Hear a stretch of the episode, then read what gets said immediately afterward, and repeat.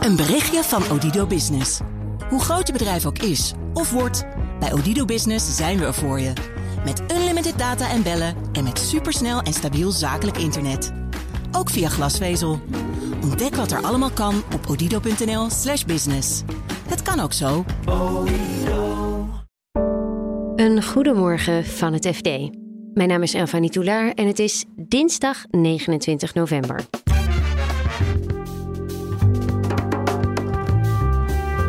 Egon-topman Lart Vriezen krijgt als commissaris bij concurrent ASR een wel hele bijzondere positie. Als het dividendbeleid schadelijk is voor het belang wat Egon heeft in ASR, dan mag hij dat tegenhouden. Corendon onderneemt actie in een poging vertraging op Schiphol te kunnen ontlopen. Die 260.000 stoelen die ze voor een jaar in Brussel willen gaan vullen, dat is wel echt een groot aantal. En in China wordt gedemonstreerd. Nog wel. Dit is de dagkoers van het FD. Topman Lart Vriezen van verzekeraar Egon wordt lid van de Raad van Commissarissen van Conculega ASR. De verzekeraar die de Nederlandse tak van Egon vorige maand overnam. Redacteur Zakelijke Dienstverlening Martijn Poels sprak met experts over deze voorgenomen aanstelling. Uh, Martijn, vorige maand nam ASR de Nederlandse tak van Egon over. En nu zijn er plannen om Egon-topman Lart Vriezen aan te stellen als commissaris bij ASR. Dat klinkt nogal vreemd. Waarom is dat? Ja, dat klinkt onlogisch, maar het is eigenlijk, als je begrijpt hoe de deal in elkaar steekt tussen ASR en Egon, uh, eigenlijk niet heel ongebruikelijk. Um, ASR heeft niet heel veel miljarden op de bank staan, uh, kan dat ook niet zomaar ophalen. Dus die betalen een deel van de overname aan Egon in aandelen, in hun eigen aandelen. Dan krijgt Egon daardoor een belang van 29,99% in verzekeraar ASR. En een van de voorwaarden die ze daar wel aan hebben gekoppeld, is dat zij dan wel uh, ook een positie in de Raad van Commissarissen willen. En in dit geval krijgen ze zelfs twee plekken in de Raad van Commissarissen. Dus dat is op zich niet ongebruikelijk. Toch is er heel veel ophef over. Waarom is dat? Nou, ophef is misschien een heel groot woord, maar er, er, er zijn wel mensen die daar vragen bij stellen. Um, omdat in dit geval met name Lart Vriezen dus als uh, commissaris bij ASR een aantal vetorechten krijgt.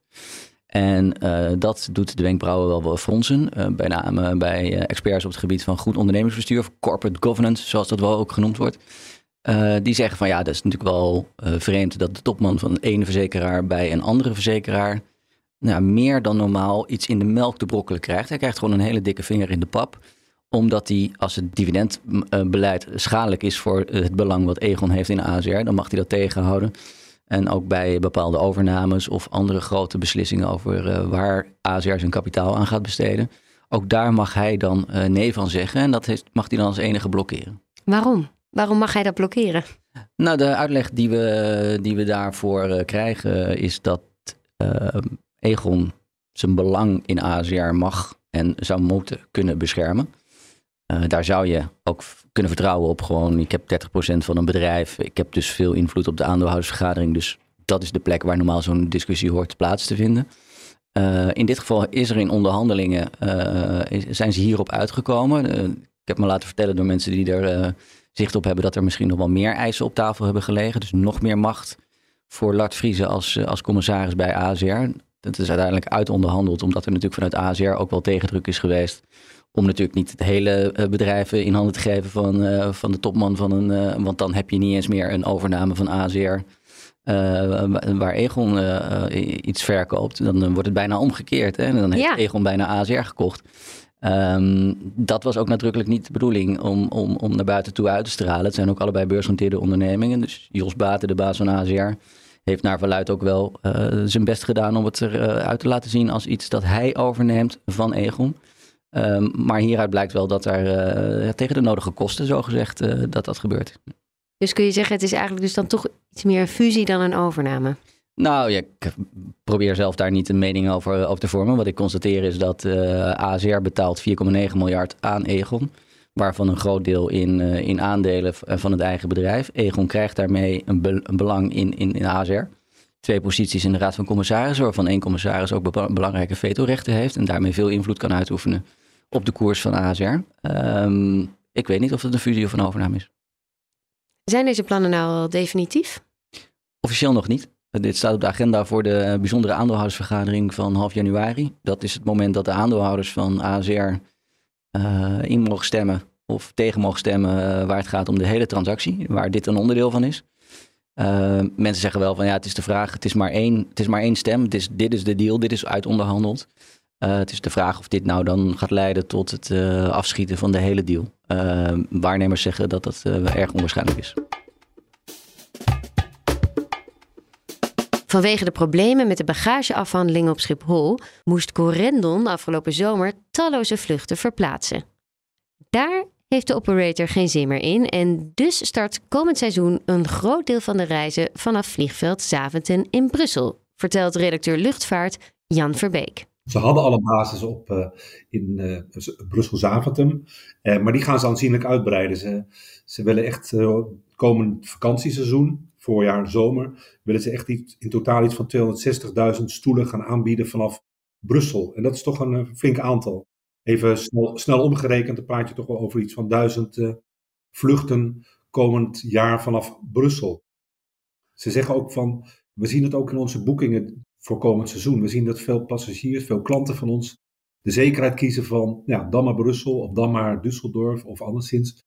Want we hebben er weinig vertrouwen in dat de problemen op Schiphol snel worden opgelost. En waarom kiezen ze voor Brussel en, en wijken ze bijvoorbeeld niet uit naar de Hague Rotterdam Airport of uh, Eelde? Ja, je hebt toch nog wel meer Nederlandse vluchthavens? Ja, nee, goed punt. Um, ze, ze wijken uit naar Brussel omdat daar nog capaciteit is. Um, als ze bijvoorbeeld uit zouden wijken naar uh, Eindhoven, Eindhoven zit gewoon vol. Rotterdam heeft een beperkte capaciteit om nog extra uh, vluchten op te nemen. Maastricht heeft wel wat meer capaciteit, maar uh, die is gewoon niet zo gewild bij heel veel luchtvaartmaatschappijen. Uh, Brussel ehm, is aantrekkelijk, ze hebben daar goede ervaringen. Ze hebben er vertrouwen in dat daar geen enorme congestie zal zijn, geen enorme capaciteitsproblemen. En niet, niet onbelangrijk ook is dat er komt een vliegtax aan. Er is al een vliegtax, uh, die geldt al enige tijd. Dan praat je over 8 euro voor een, uh, een ticket. En per 1 januari gaan we de vertrekkende passagiers vanuit Nederland gaan 26 euro per ticket betalen. En dat geldt voor alle luchthavens in Nederland, maar dat geldt niet voor de buitenlandse luchthavens. Dus dat kan een, een, een overweging zijn om, een luchthaven te kiezen die buiten Nederland ligt. Hoe zit dat met andere prijsvechters? Uh, vertrekken die ook allemaal vanaf, uh, gaan die weg bij Schiphol? Nee, er is, er is geen sprake van een grote uittocht. Ik heb, uh, ik heb er een paar benaderd. Ik heb vanochtend Transavia benaderd. Die zitten overigens al op, op Brussel met een, met een kleine ehm, basis, om het zo maar te zeggen. Twee tot drie toestellen. Ik, ehm, ik kreeg niet de indruk dat ze dat groot gaan uitbreiden. Um, TUI Nederland heb ik ook benaderd. Die zeiden van, wij, wij, wij schatten in dat onze klanten toch vooral vanuit Nederlandse luchthavens willen blijven vertrekken.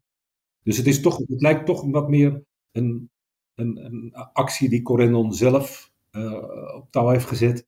Met een aanzienlijk effect hoor, dat wel. Ik bedoel, uh, die 260.000 stoelen die zij volgend jaar in Brussel willen gaan vullen, dat is wel echt een groot aantal. Ah ja, ik kan me voorstellen dat uh, Schiphol daar misschien ook wel een beetje van schrikt.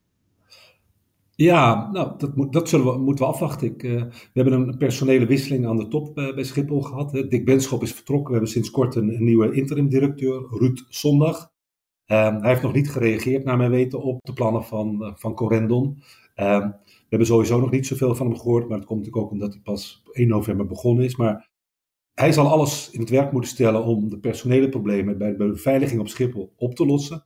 En dan komt hij weer vertrouwen en dan kan hij de klanten de luchtvaartmaatschappij die die heeft beter vasthouden dan op dit moment het geval is. Er is nu te veel onzekerheid.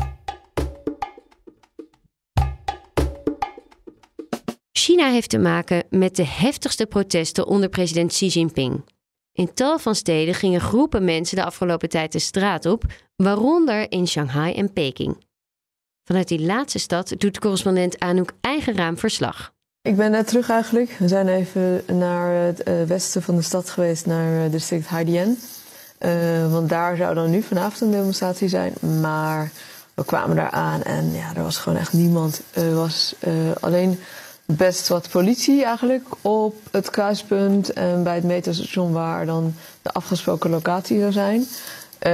en die volgen dus allemaal, nou ja, voorbijgangers, niet iedereen, maar van Dus ik denk van mensen waarvan ze dachten dat studenten waren. Uh, en ook van mij en mijn collega om identificatie en dat soort dingen. En gingen er dan allemaal foto's van maken. Van je perskaart en van je paspoort en weet ik wat allemaal. En ik zag dat ook op beelden in Shanghai. Hè, dat uh, echt maar de, plekken waar dan bijvoorbeeld de afgelopen dagen gedemonstreerd was, dat ze die allemaal hadden afgezet met hekken. En heel erg restrictief waren met of je er dan wel of niet doorheen mocht. En dan moest je een reden geven en laten zien waarom. En nou ja, ga zo maar door. Dus ja, dat heeft wel voorkomen, denk ik, dat het in Shanghai weer zo onrustig werd als gisteren. En ook in Peking, ja, dit was totaal niet natuurlijk wat er gisteren was. Het kon gewoon eigenlijk niet. Nee, dat, dat, dat op deze manier hebben ze dat eigenlijk al voorkomen, ja. Het was nu met demonstranten wel rustig. maar betekent dat ook dat de protesten dan bij deze de kop zijn ingedrukt?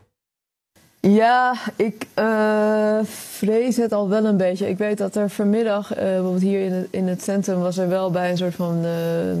Ja, hoe zeggen dat? Districtskantoor was wel een klein groepje mensen die stond te protesteren.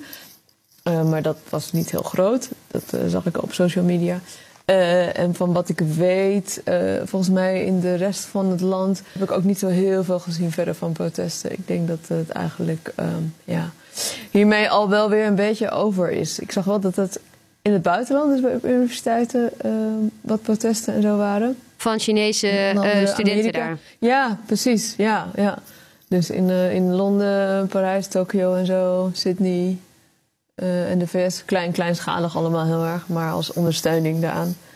Maar ik weet het niet of het, of het. Misschien dat het later in de week, of je weet het niet, hè, of over een paar dagen misschien nog eens geprobeerd wordt. Maar ik denk na gisteren uh, is iedereen wel zo op uh, ja, alarm gesteld dat het ehm, ja, voor nu weer even voorbij is. En wat er ook denk ik gebeurt nu, ehm, ik denk dat, dat er nu ook gewoon gaat worden gekeken naar de beveiligingscamera beelden van gisteren. Oh ja, dus dat is wel een beetje eng. Ja, ja zeker. En ik was ook net op nou ja, pad bijvoorbeeld met mijn assistent en die wordt dan ook ja, als zij niet met mij was geweest, dan was ze denk ik ook gewoon uh, ondergevraagd of zo dergelijks. Want ze dachten eerst ook nog dat ik haar geïnterviewd had of zo dergelijks. Dus ja. Ja, hmm. dus het is voor jou ook extra moeilijk om je werk te doen, nu? Tuurlijk, ja. Nou ja, het is eigenlijk altijd heel moeilijk in China. En je loopt altijd dus tegen dit soort dingen aan, bij tijd en weinig. En, uh, maar nu, na, na zo'n e-, evenement als gisteren, kijk, ze stonden al de hele tijd te filmen en zo ook overal. Dus ja, je kan er donder op zeggen dat ze dat ze dat allemaal gaan bekijken. Uh, en ik sprak gisteren met een aantal mensen om te vragen van... hey, vinden jullie dat dan niet eng? En zeiden, nou, maar we doen toch allemaal niks, we kijken gewoon. Eh, er zijn natuurlijk ook genoeg mensen die nog nooit eerder... misschien in aanmerking, aanraking zijn geweest hè, met de autoriteiten. We zijn misschien nog jong, uh, hebben nog niet eerder zoiets gedaan en gedemonstreerd. Want ja, dat is ook best onmogelijk. Dus weten misschien ook niet wat echt de risico's zijn. Of wat, wat de gevolgen kunnen zijn. Of wat voor druk of intimidatie je daarna mee te maken kan krijgen de weerstand tegen die maatregelen tegen corona, die blijft natuurlijk. Ja, die blijft zeker. Als er niks verandert ook, uh, en, en, daar ziet het voorlopig niet naar uit, dan blijft dat zeker. Ja. Ja, maar desondanks is uh, de kans groot dat deze protesten in ieder geval een uh, stille dood zullen sterven. Ja, ik weet niet of het een stille dood sterft. Het was in ieder geval vandaag niet. Wat ik zeg, uh, je weet nooit of het hè, van de week misschien nog eens uh, uh, gebeurt. En kijk, het, het, die, die, die, die uitbarsting was zo spontaan. Hè. Ik sluit niet uit dat, dat die woede en die frustratie is er natuurlijk nog steeds. Dus het kan best zo zijn dat het over een tijdje dat het. nu hebben mensen even kunnen ventileren als er niks verandert. Dat dat zomaar ineens toch ook nog weer eens kan gebeuren.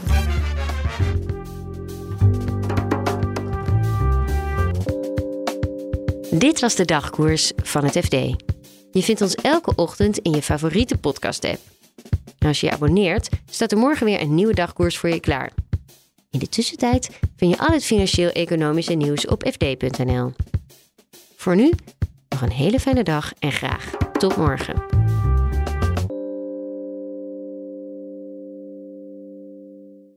Een berichtje van Odido Business. Hoe groot je bedrijf ook is of wordt, bij Odido Business zijn we er voor je. Met unlimited data en bellen en met supersnel en stabiel zakelijk internet. Ook via glasvezel. Ontdek wat er allemaal kan op odido.nl/business. Het kan ook zo.